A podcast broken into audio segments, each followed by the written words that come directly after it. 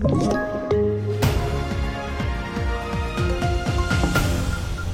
TV4-nyheterna börjar med rättegången som drar igång idag i Skellefteå tingsrätt där en 15-årig pojke misstänks för försök till mord och grov våldtäkt på en 9-årig flicka i somras. Enligt åklagaren var det bara tillfälligheter att flickan inte dog av sina skador eftersom hon utsattes för mycket grovt våld. Hon vårdas fortfarande på sjukhus och kommer få bestående skador. Polisen har inte gripit någon misstänkt än efter skottlossningen i Märsta norr om Stockholm igår kväll då en man i 25-årsåldern sköts till döds.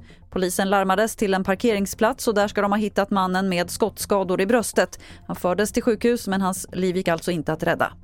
För en liten stund sen kom uppgifter om att förhandlingarna om den nya regeringen inte kommer vara klara till klockan 11 när M's Ulf Kristersson ska träffa talmannen. Det här rapporterar Svenska Dagbladet. Vår reporter Per Hermanrud är på plats i riksdagen.